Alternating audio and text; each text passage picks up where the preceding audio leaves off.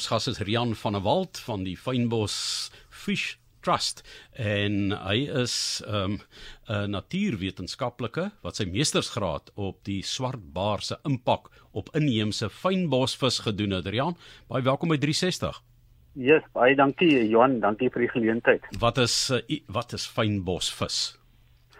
Wel, fynbosvis is basies inheemse vis wat in die fynbosbiom voorkom wat rolweg strek van Nieuwoudtville tot ehm um, in die Oos-Kaap, Port Elizabeth, daai omgewing. So die winterreënvalgebied. So daar's 'n 'n uh, 'n min of meer 40 inheemse visse in hierdie area.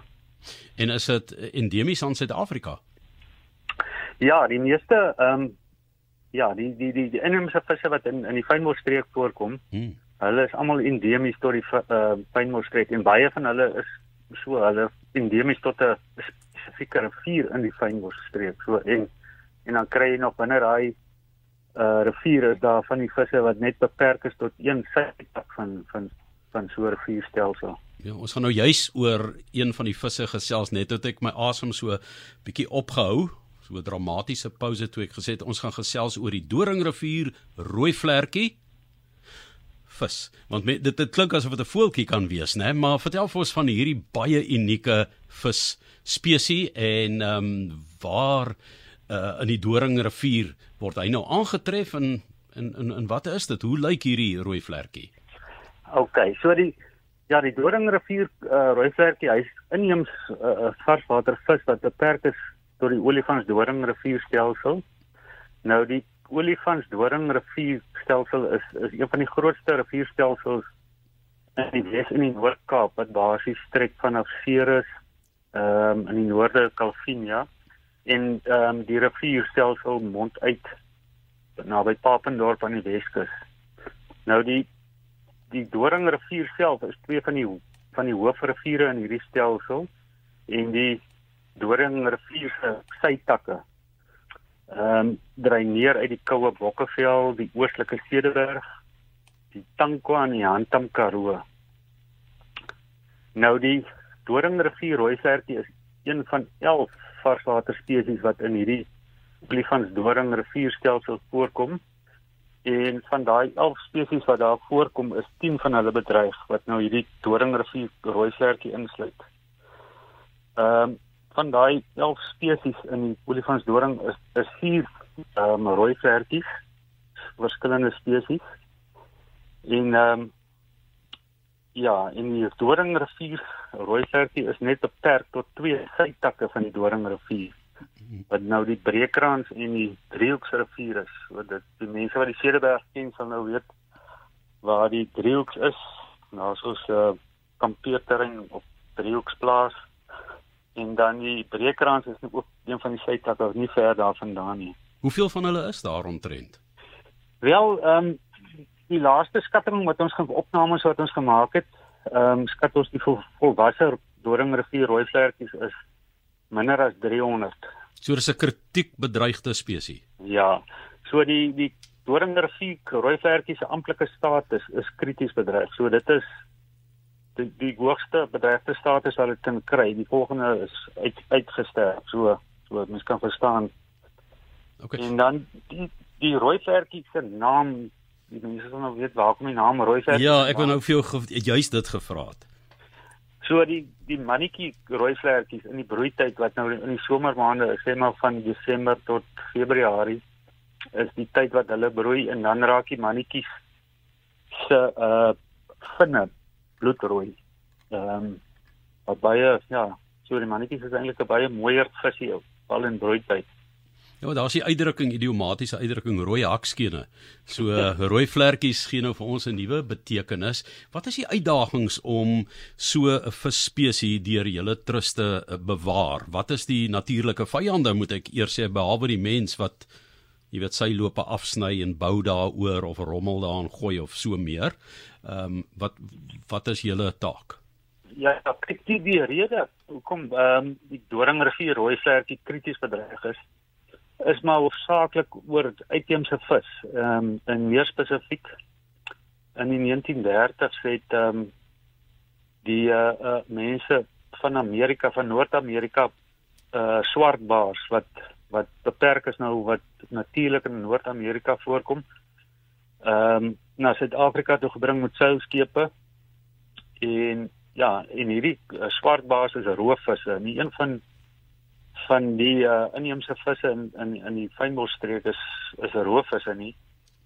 So en hulle is in die riviere in die Wes-Kaap vrygelaat in van 1935 tot 1939 en so het hulle versprei in die riviere en heidaglik ehm um, is daar meer as 80% van die olifantsdoring riviere is besmet met ehm um, swartbaars. Joi. En en waar hulle voorkom kan geen van die die meeste van daai 11 spesies is klein spesies soos ek sê kom verskillende rooi verdies. So waar swartbaars voorkom kan hulle glad nie oorleef nie. Ehm um, so die enigste plekke waar mens nog vir hulle aantref ehm um, in die Breekransrivier, soos ek gesê het, hulle is nou beperk tot twee sytakke. In die Breekransrivier is hulle beperk tot 'n kort gedeelte van die rivier bo 'n natuurlike waterval waar die swartbaars nie kan bykom nie. En in die Driehoeksrivier is hulle beperk tot twee poele ook bo mensgemaakte keerwal. Dit lyk my daai swart baar waarvan jy praat is amper soos Wattle of Port Jackson. Dit het nou as ek nou bome, jy weet, ehm um, wat hier ons eie inheemse bome bedreig en oorvat en so ehm um, dis dis half so self dieselfde beginsel, maar wat gaan die fynbos trust nou doen? Uh, dit is die fynbos vis trust doen om die Doringrivier rooi vlerkie se toekoms te verseker. Wat kan 'n mens doen? Ja, so ons ehm um, die fynbos Vistrust se fokus is op die Breekransrivier. Ehm um, aangesien dit 'n basiese 'n pristine rivier is, daar's geen ander impakte nie. Daar's geen uitheemse plante groei wateronttrekking nie. Die enigste impak is die swartbaars in die rivier. So ons ehm um, projek is daar om 6 km habitat ehm um, terug te wen vir die basies vir die rooi vlerkies wat heidaglik ingeneem is deur die swartbaars baars So ons gaan 6 km onder die natuurlike waterval waar die swartbaars keer gaan ons 'n mensgemaakte keerwal bou. En dan gaan ons met me meganiese metodes die swartbaars uit die rivier verwyder. En ehm um, ons het reeds dit bewys dat dit suksesvol kan wees. Ons het in die Teerivier naby Citrusdal het ons so 'n projek voltooi wat ehm um, basies die eerste keer in Suid-Afrika wat dit wat dit gedoen is. So ons gaan dieselfde doen in die Breekrans rivier. En ja, so in hierdie metodes wat ons gebruik is omgewingsvriendelik en dit het basies geen impak op ander spesies nie. So ehm um, en dit gaan dis ook 'n werkskeping. So ons gaan vier mense van die plaaslike gemeenskap vir 3 jaar permanent in diens neem om hierdie projek uit te voer. Die publiek, wat is ons verantwoordelikheid? Ja, so die, die, die wat baie keer nog gebeur die mense plaas op skep visse vir hengeldoeleindes rond. Ehm um, so uh, die ons ons vra altyd dat die vissermanne moenie visse rondskep nie. Behalwe dat dit onwettig is, gebeur dit nog baie keer. En dan ja, vir die projek projek self ehm um, is dit altyd vrywilligers nodig om wat uh graag betrokke raak en help om die swartbaars uit die rivier uit te haal. So ehm um, hulle kan ons kontak. Ons ons kontak uh, besonderhede is op ons webtuiste en sowel as ehm um, op Facebook as jy gaan soek onder Fynbos Fish Trust. En julle werk ook ehm um, saam met die Varswater Navorsingsentrum, né? Ja, 'n baie belangrike deel van sulke projekte is ehm um, is navorsing en die die die Freshwater Research Center in Kaapstad. Hulle is spesialiste in varswaternavorsing. So voor mense so 'n projek aanpak, gaan doen mens eers 'n volledige opname van wat wat is die stand van die rivier, wat is daar en ehm um, en dan daar ook dieselfde uh, mense nodig om na die tyd te bepaal of die projek suksesvol was. So ehm um, ja, ons het ons werk baie nou saam met, met hulle.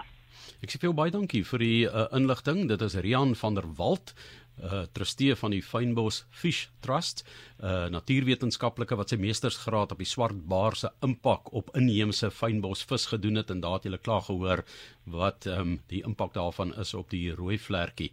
En as jy dan belangstel om meer van hulle aktiwiteite te weet, te kom dalk 'n vrywilliger is wat gaan aanmeld om uh, daar te help om daai baars uit te haal, dan uh, kan jy met Rian van der Walt hulle skakel. Dit is ehm um, Fynbos Fish trust.org. So sterkte vir julle daar en uh, geniet dit in die berge en langs daai soos jy sê daai ongerepte poele wat mense hoog op in die berge kry.